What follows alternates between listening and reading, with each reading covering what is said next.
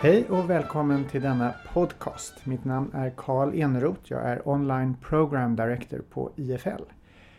Med mig idag har jag Jenny Lantz, forskare på Handelshögskolan och programledare för MBA Executive Format. Hej Jenny! Hej!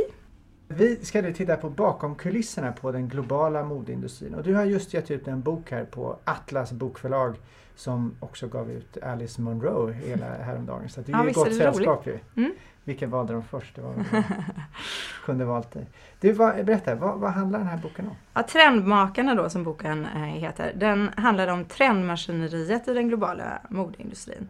Betydelsen av trender i modeindustrin utifrån olika aktörers perspektiv. Och utgångspunkten har varit att eh, industrin väldigt, väldigt länge har varit organiserad utifrån trender. Alltså eh, allt från tillverkare till designers, till inköpare, modejournalister har organiserat sig utifrån trender. Och det har inte bara gällt produktionssidan utan även konsumtionssidan. Då. Konsumenterna har genom trender fått ett hum om vad är det nästa nya? Vad, vad bör man efterfråga? Liksom. Ehm, och det här har ju pågått ganska länge då. Ehm, men sen på 00-talet, man kan säga mitten av 00-talet, så hände någonting. För helt plötsligt kom internet och spred modeinformation väldigt, väldigt snabbt och över hela världen. Samtidigt som många började säga att trender är ute. Ehm, det är slut med trender. Och det tycker det jag är en intressant en Ja, och det är lite intressant. Ja, särskilt en paradox eftersom det är en väldigt kraftigt expanderande eh, industri. Den har ju då gått in eh, mot tillväxtländerna och sådär. Den expanderar ständigt. Och då säga att trenderna är över, det tyckte jag var en intressant eh, spänning. Och eh, sen kan man också se den här studien då som en slags sociologisk undersökning av modeindustrins ställning idag eh, genom begreppet trend. Eh, och där kan man också säga att mer människor än någonsin intresserar sig för mode. Men ingen har riktigt den maktpositionen att den dikterar modet längre. Så det är också eh, den här spänningen. Är det anledning... det nya då eller? Eh, vadå är det, det nya? Är det det nya att ingen kan diktera? Ja, man kan säga att modeindustrin idag är mycket mer fragmenterad. Och de här spänningarna menar att, att fler människor än någonsin och den expanderande industrin samtidigt som det dyker upp alla de här utsagorna om att trenderna är döda och ingen riktigt dikterar det. Så allt går, går an. Så här. Eh, det tyckte jag var en spännande eh, utgångspunkt. Och eh, man kan ju säga att en anledning till de här spänningarna är att det är en industri som både präglas av en kulturell logik och en ekonomisk logik som både ibland samspelar men ibland reagerar på varandra i motsatt riktning. Om, om, vi backar lite där. Eh, du pratade, boken heter ju Trendmakarna. Mm. Vad är en trend? Ja, Vad är det som har dött? Ja, man kan säga att eh, förändring är modets kärna. Eh, det brukar man säga. Så, att, så att det är en väldigt viktig aspekt i den här boken då. Och eh, eh, den här boken handlar ju då bara om trender inom modeindustrin. Så, men sen så gör min syn på eh, kunskap, och nu får jag vara lite forskaraktig här och säga den socialkonstruktionistiska kunskapssynen. Den innebär att jag inte vill pådyvla mina intervjupersoner någon definition på trend, utan jag vill vara lyhörd för vilken betydelse de lägger i begreppet trend. Så jag har ju bara gått runt och frågat dem en, en massa saker kring trender. Hur de konstruerar sin egen verklighet? Ja hur, de, ja, hur de ser på trender och hur de, vilken betydelse det har för dem. Men eh, jag kan ju säga som så att det är väldigt förgivet taget begrepp. Det är ingen som har frågat mig vad jag menar med trend. Utan, förutom just finansanalytikerna. Då, ja, precis. och finansanalytikerna, de frågar ju. Eh, eh menar du modetrend då? Ehm, men, eh, men sen, sen är det ju också så såklart att det har inte varit en helt förutsättningslös studie heller. För jag är ju intresserad av mode och jag är ju inläst på teorier kring trender och mode och sådär. Men jag skulle säga nu i retrospekt att vad, vad jag menar med en trend är ju en, ett, att det är ett modeuttryck som sammanfattas under en etikett som kan förmedlas eh, och spridas och sen också lämnar ett visst tolkningsutrymme. Och sen har en annan eh, väldigt viktig eh, aspekt i den här studien varit att eh, trender är något som man kan kapitalisera på. För det finns det aktörer i modeindustrin som gör. Och bara för att förtydliga, några exempel på några tydliga trender under de senaste decennierna? Eh, några tydliga trender? Eh, ja, ja, det finns ju hur mycket som helst. Det vill säga, ja, skinntrenden eller... Eh, Utsvängda byxor-trenden eller? Ja, 70-talsmode kom ju mycket för några år sedan. Ja, det finns ju massa. Det är ju ett ständigt, ständigt flöde av trender. Eh, det kan ju vara väldigt eh, eh drop shoulders. Nej, ja, men det finns ju på så många olika nivåer. Det, ja, men, mm. ja. Eh, men sen så eh, har jag ju då rest runt i världen. Både i, jag har gjort intervjuer i London, Stockholm, New York, Tokyo, Paris. Eh, och sen i BRIC-länderna så då har jag varit i Shanghai, Hongkong, São Paulo, Moskva, Sankt Petersburg, Bombay. ja, det är väl de länderna. Och, så jag har gjort, det är en ganska global studie. Och det handlar ju om att det är en, en väldigt global industri. Och du har träffat designers, modeskapare? Ja, jag har eh, träffat då personer ur eh, olika yrkesgrupper som man kan säga då. Det var designers, trendbyråer. Eh, det har varit eh, en, folk från en kategori som jag kallar för smakskapare. De är alltså sådana som verkar mellan producenterna och konsumenterna.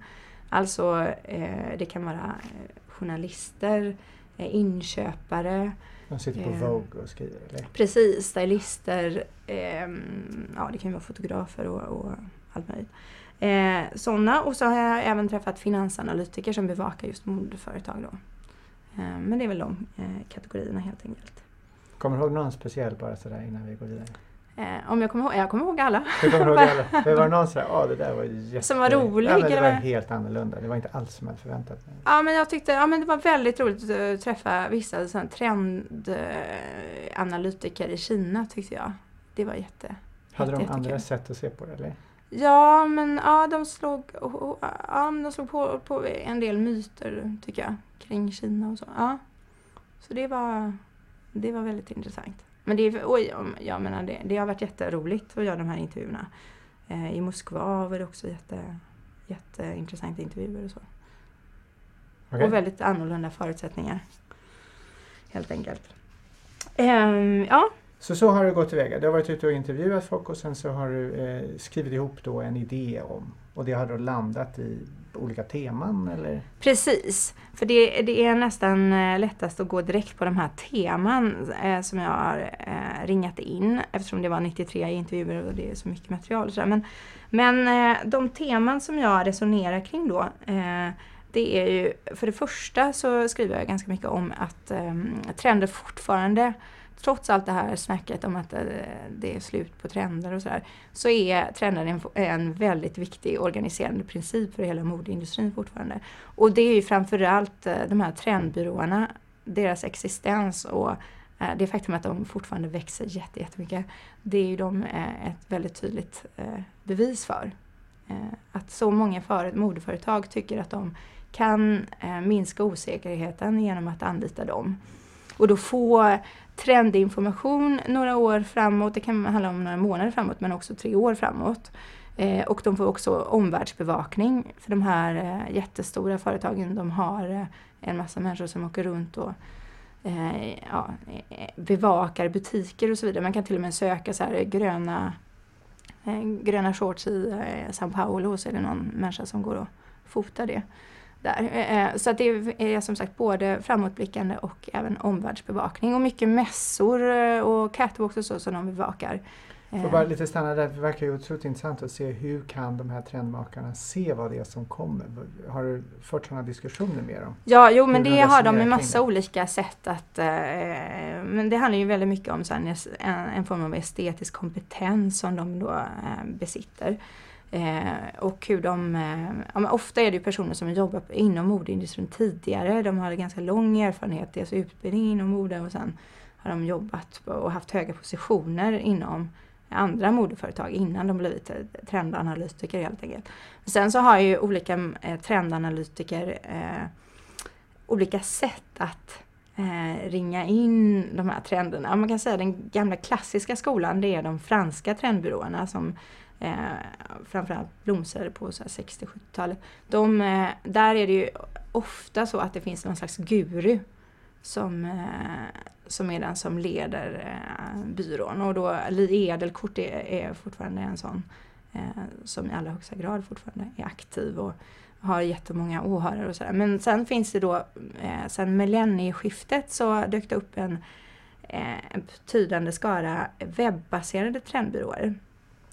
Och de har ju då, man kan säga att de både driver på och speglar eh, massmodeindustrin, eller liksom de här stora massmodeföretagen som kom, kom också i samma veva. För att de har, kan ju hela tiden uppdatera detta eh, ja, varje dag, varje timme egentligen med ny information. Medan de där klassiska franska, de två böcker eh, om året. Om året, ja. Så det, det, det är ju lite skillnad. Det låter som om man eh, kan spela det här spelet och, och, prata med alla de här aktörerna så kan man skapa sin egen trend och få den att funka. Eller? Ja, alltså jag, blev, jag fick massa förfrågningar om jag, eh, om jag inte kunde konsulta för dem. Det var väldigt komiskt. Men eh, från olika, framförallt med olika franska byråer. Men, eh, men eh, det har jag inte gjort. Men ja, alltså det är klart att man eh, skulle kunna göra. Men, det, men de som är Stora är ju de här WGSN och StyleSite som de heter. De har ungefär 40 000 kunder var och de expanderar kraftigt mot tillväxtmarknaderna. Och eh, ja, då har de som sagt både den här omvärldsbevakande rollen men också eh, eh erbjuder de eh, trendinformation då framåt i tiden. Och den kan vara väldigt konkret. Alltså du kan få exempel på Eh, en blus som de tycker att du ska göra och den kan du ladda ner direkt till Illustrator och, och liksom tillverka. Så, så de har en väldigt eh, det är en väldigt intressant eh, roll de har. Men de vet ju att det är väldigt känsligt att verka på, eh, i modeindustrin. För att de vill ju inte utmana designen för det finns ju väldigt tydliga idéer om designen som eh, skaparen av mode och... Eh, Vi kommer in på en annan liten dimension ja, av det. Ja, men alltså, så de håller sig väldigt mycket i bakgrunden och skriver ofta konfidentiella avtal med sina kunder. Eh, för att de vet att modeföretagen kan tycka att det är lite känsligt om man tar kreativ hjälp och så. Och de säger att vi, vi inspirerar bara, vi ger inte anvisande information och vi, eh, vi skapar inte trender. Ja, Precis, att de inte ja. utmanar. Så att det, men eh, det är väldigt intressant att de är så stora. Och vad som händer är ju när de här trendbyråerna då går in i tillväxtmarknaderna, eh, om man tar Kina som exempel, så har vi ju jättemycket kinesiska företag som eh, tidigare har tillverkat men som nu startar egna varumärken. Och då erbjuder de här trendbyråerna jättesnabb modemässig legitimitet på den kinesiska marknaden. Och det är väldigt intressant tycker jag för då, då blir det som att de här trendbyråerna samtidigt hela tiden ser till att en efterfrågan på det västerländska modet består. Och så är en... på sina egna prognoser? Ja absolut, absolut. Det blir en snöbollseffekt av det här. Så det blir väldigt mycket självuppfyllande profetior. Att, eh, eh de kan ju pe peka på sina prognoser och de har oftast eh, rätt. rätt. Ja, men så, så, det är intressant. Så det där diskuterar jag ganska mycket. Och, eh, och hela den här modifieringen av konsumtionsindustrin. För att numera har de inte bara modeföretag som kunder utan det är ganska mycket andra typer av företag. Det kan vara reklambyråer men det är eh, då framför allt konsumtionsindustrierna. Så det kan vara eh, Procter Gamble, eh, mobiltelefonföretag, BMW, eh, Volkswagen, du vet alla typer av ja, eh, så de använder sin kompetens fast på ett annat område? Ja, de, de, behöver modeinformation för att även de här sajterna har ju enbart modeinformation. Men eftersom det har skett en estetisering av hela konsumtionssamhället eh, och konsumtionsindustrierna och en modifiering för att det är ständigt att man byter stil hela tiden så, så är den här informationen väldigt viktig även för andra industrier. Det är roligt för Barilla säger i min studie att deras pastaformer påverkas av siluetten på damkappan. Så där har du ett exempel på Alla formerna eller bara Nej, ja, ja det var bara... lite rak Ja, kanske, kanske A-linjeform. Ja, jag vet faktiskt inte, jag kan inte Barillas eh, sortiment. Hela konceptet? Nej. Eh, men sen ett annat tema som jag tar upp är att eh, när de här modeföretagen gått in på Eh, tillväxtmarknaden så har de behövt kapital och då vänder de sig till börsen. Och, och eh, därigenom har det då också kommit in andra sätt att hantera den här osäkerheten på. För att eh, finansmarknaden, som de på så vis har blivit underordnad, den ser modetrender som en moderisk. De vill inte ha den här rörligheten, de vill ha någonting förutsägbart för de tycker att det är helt godtyckligt. Och det handlar ju också om att kultur och ekonomi ibland är konstruerade som varandras motsatser. Att de tycker det är fullständigt godtyckligt hur det går upp och ner och så här i modevärlden. Samtidigt som man tittar på börskurser så finns det ju trender där. Ja absolut, det är, de, men det är den typen av trender de är vana vid, att det är allting mätbart och så. Eh, så även om det är trender så tycker de att de är lite mer begripliga. De, de har lite svårt att förstå så här hur modeuttryck kan avlösa varandra. Och så här. så, att, så att de, vad som har hänt är att när modeföretagen gått in på börsen så har man dels sett en utveckling där på massmodesidan eh, så låter man trender dröja sig kvar väldigt, väldigt länge, eh, så länge de säljer. Så då har man eh, väldigt mycket parallella trender. Och det tror jag har gett, gett upphov till den här känslan att allting eh, eh, går vägen. Man kan ha vad som helst och trender över. Eh, det här att man har så mycket parallella trender samtidigt. Eh, och, sen, och det är ett sätt att sprida riskerna med för, för de här massmodeföretagen. Sen har de här modeföretagen också sett över sitt, eh, so, sin sortimentsstruktur. Så man har då en liten andel eh, utbud som är rörligt.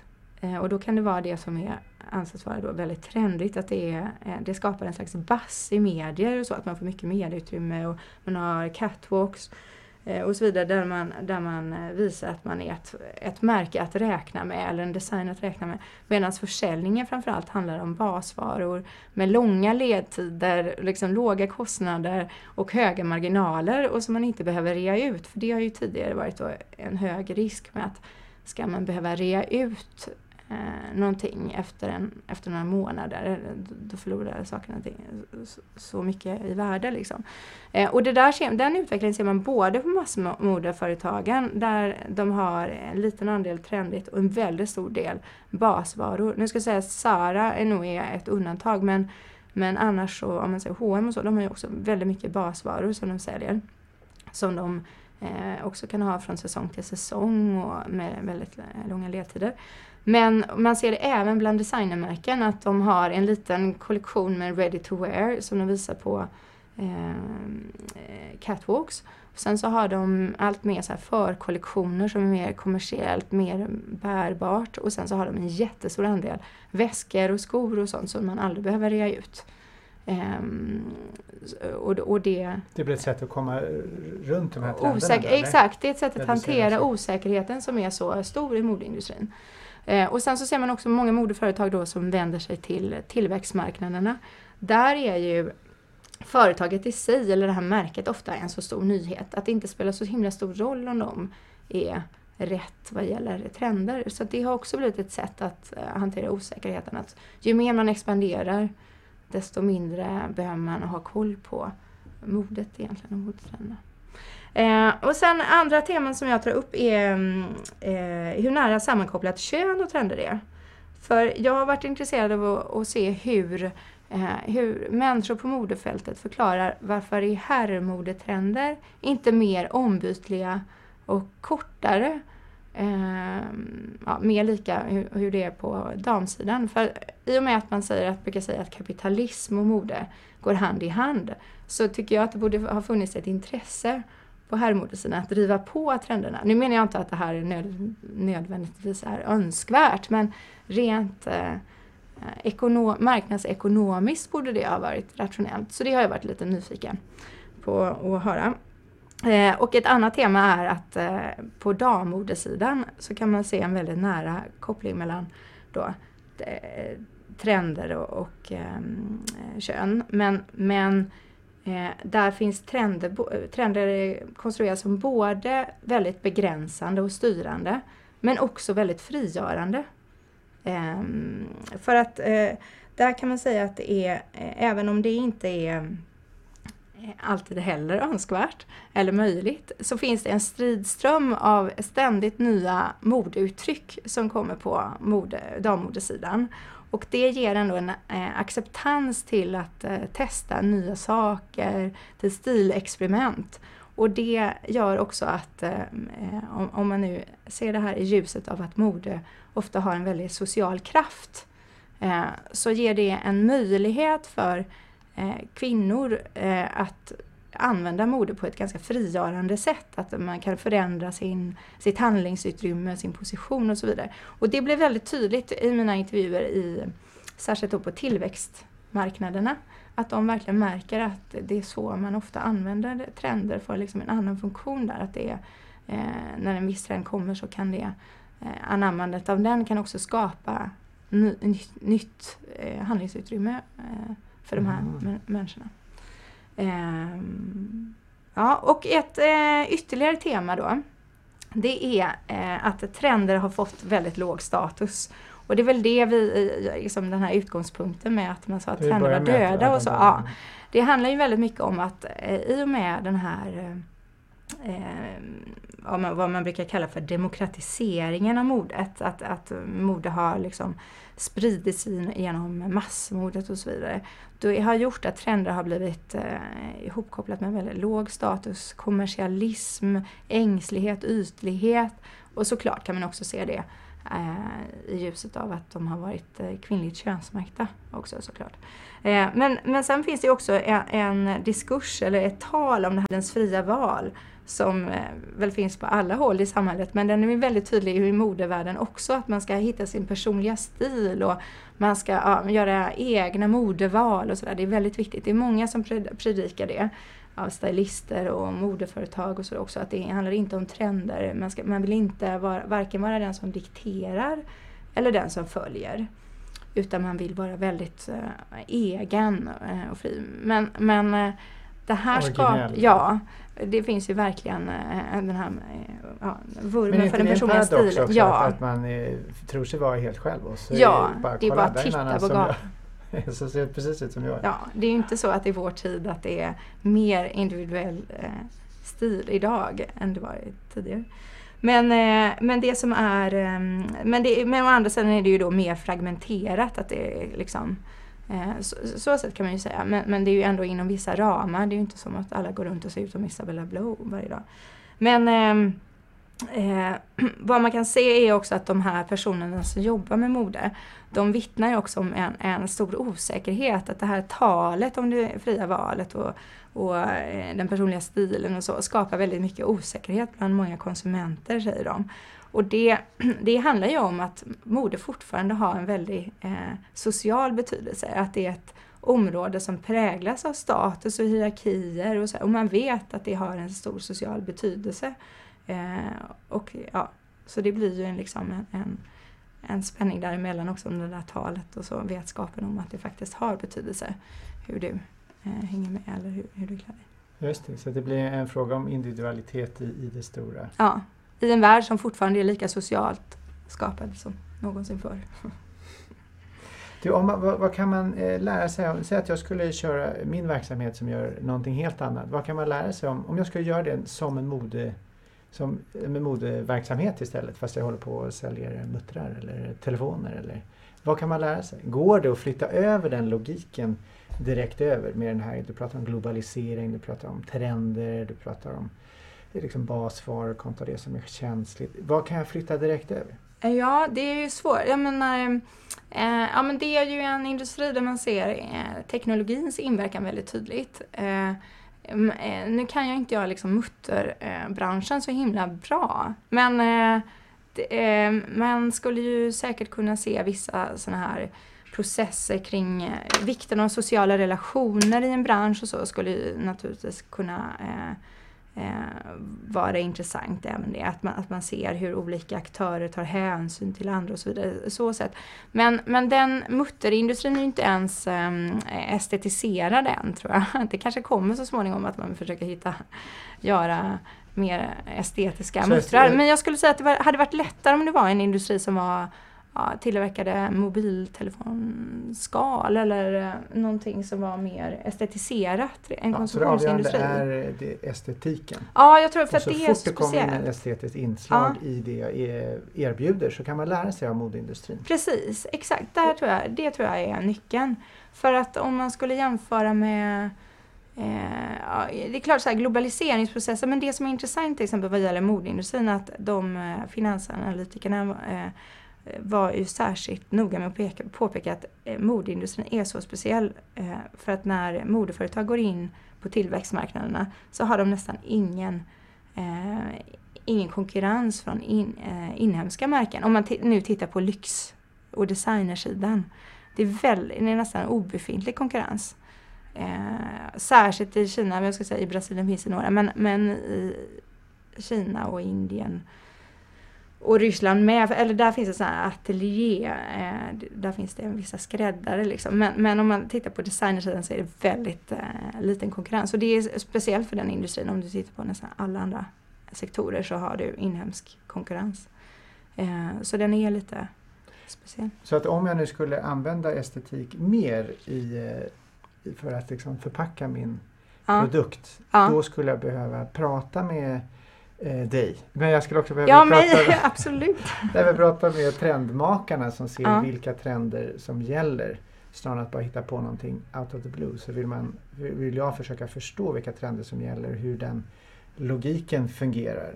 För att kunna Exakt, så kan man göra. Men, men sen måste jag också tillägga att eh, man kan säkert se vissa svenska modemärkens framgång som just... Eh, Bryter mot Ja, det här, exakt. Att de inte, de har nog inte haft råd att ha några trendbyråer eh, och så. Eh, de har säkert gjort den typen av research själva. Och det kan ju säkert vara jättelyckosamt i en värld där det liksom pågår en slags trend där några styr och för ut och förmedlar viss typ av trender hela tiden. Men det där att ha sitt eget uttryck och, och bryta mot det, även om det var en mutterfirma som försökte bryta mot det där eh, dominerande uttrycket, så skulle det ju bara gå ett tag. För sen skulle det också inkorporeras i den här trendinformationen, för de är ju ute hela tiden och snappar upp vad, vad som finns. Eh, så det skulle de säkert sen vidareförmedla och då skulle du sitta en svår eh, sits. Och vad, vad, tror du kommer då? Du som har pratat med alla de här från hela världen.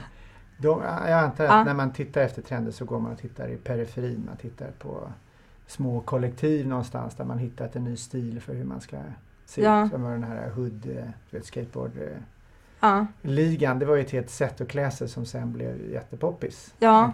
Ja. Och vad är det man tittar nu? Vad, vad är det som kommer? Kan man säga det? Skulle du kunna ha en uppfattning om vad det är som alltså, kommer? Jag har ju bara frågat massa andra människor. Men, ja, men, vad, men, men, men, har frågat alla dem. Ja, exakt. Nej men, eh, ja, vad, alltså det finns ju så mycket. Det är det som är så roligt för att det är så fragmenterat. Så de säger ju så här 20 olika saker och sen så, det är klart att de får rätt Någonting på något. går till slut. Men eh, nej, det är svårt att säga. Men, men säkert kommer det komma mycket i Kina. Jag tror att det är ändå eh, när Kina Eh, ju starkare Kina blir. Men än så länge är inte liksom, kinesisk kultur, har inte, men man börjar se det lite mer och mer i, eh, på olika håll nu. Och det, jag tror ändå att det med Kina, Kinas eh, kinesisk estetik kommer säkert spridas mycket olika. Och, och, det, verkar, det som var intressant var ju att de talade om hur trender sprids i Kina mm, på ett lite annat sätt än i, eh, än i Europa och västvärlden. Men estetik, är inte, handlar inte det, man, i första anblicken så är det ju bara ytan. Men estetik är väl också en livsfilosofi ja, bakom jo, som tar sig uttryck ja. i det här. Så att då måste ju det rimma, rimma Fast det är inte alltid så att det gör det, för det kan urholkas lite just när de färdas, när de här trenduttrycken, eller modeuttrycken färdas som trender, som etiketter och sådär. Det kan ju verkligen urholkas ja, på sin... som fanns på överallt. Ja, exakt. Men det som var int intressant i den här estetiken, ja. hur det eh, fångar upp ett, en, ett livsideal. Ja. Eh, och har nu kan du se, vad ser du kring det? Men jag, jag tänker nämligen på, eh, det fanns nämligen en grej som hon hade som exempel men som inte jag minns nu exakt vad det hette. Som var i Kina, som, där de hade tagit en, en trend som var från Japan. Som typ hette skogsflickor eller någonting. Eh, och så när det kom till Kina så blev det något helt annat. För det handlade om eh, att leva ekologiskt och Eh, här, men det, det fanns ingenting av det sen när det var i, kom till eh, eh jag ska se här. Eh, ah, här ja, Mo, men jag vet inte riktigt hur man... Eh, Mori Girls, skogstjejer. Det är en japansk livsstilstrend. Men när, det, när den kom till Kina så blev den helt urholkad på, på den här själva livsstilen. Utan det handlade mer om att eh, ha ett plagg i raffia, du vet. Det här trämaterialet. Jaha, okej. Ja. Det var en annan... Eh... Men, bara en sista fråga. Vad, när du går på stan, Mm. vad läser du av då? När du ser eh, folk som går? Du vet, den där har ingen mode alls, eller den där kan ingenting, eller den där var lite intressant. Eller, vad är det du tittar Nej, men efter? jag, jag kan inte säga att jag går runt så. Eh, jag tycker bara, bara så här, ja, jag går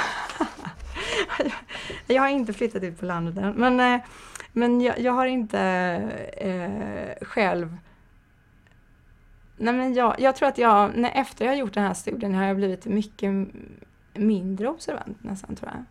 För jag tror att det har funnits en, att det är jättemånga som har frågat mig så här, vad har du på dig när du gör intervjuer? Jag tänker, eller ju mer man träffar människor i modevärlden, desto mer ser man hur de klär ner sig och liksom inte bryr sig. Nej men jag, jag tänker faktiskt inte så på stan heller. Det är klart att man observerar som alla andra bara. Eh, men jag går inte och, och tänker, sätter etiketter på dem. eller ser någonting, eller jag själv gör trendanalyser. Utan jag tycker bara fenomenet är intressant. Att många gör, sitter och gör så. Och det är klart att man kan hålla på och kategorisera och se mönster i vad folk har på sig och så. Och ett tag, det, måste, jag- det kan jag tillägga, när jag hade access till de här trendsajterna, för det hade jag under en ganska lång period. Då var det ju närmast komiskt att man såg exakt samma saker som hade legat ute där. Eh, i, På stan? på stan. Alltså hela tiden i butiker och i, på webbutiker och så här. Det var helt skrämmande hur, eh, hur påverkat liksom, modeutbudet är av, av det. Vad spännande. Ah. Vad spännande.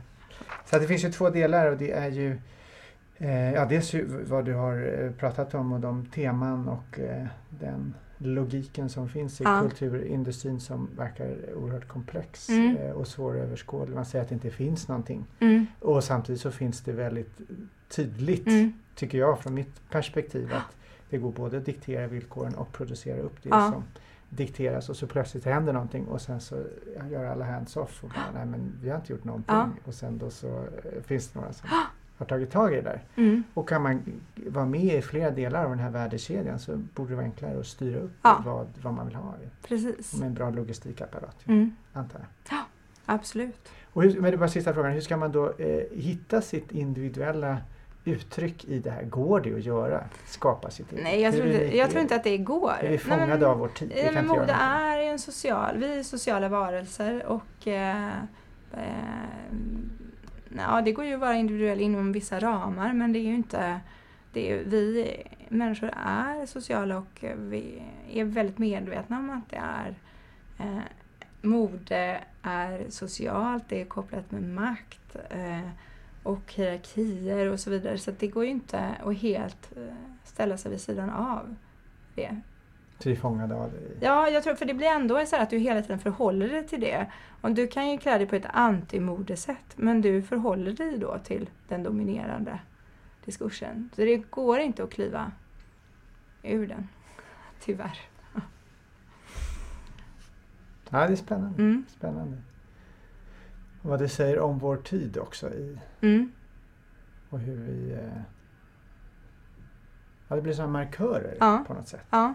Men så är det viktigt också att tänka att det är eh, att eh, jag menar som, som det blir väldigt tydligt i tillväxtländerna så, att det är trender och den här rörligheten i modeutveckling kan verkligen ge människor kraft att förändra. Det är ett väldigt billigt sätt eh, att, Att röra sig in i en socialt. annan Ja, roll precis. Och det, eh, man rackar ju ofta ner på trender som sagt, att det har fått så låg status. Men, men man ska också komma ihåg att det kan leda till social rörlighet och det, det är ju positivt tycker jag. Det där tycker jag låter storartat. Tack Jenny för att du kom. Vill ni lyssna in mer eh, på IFLs podcast så titta in på ifl.se inspiration. Tack så mycket och ha en riktigt bra dag.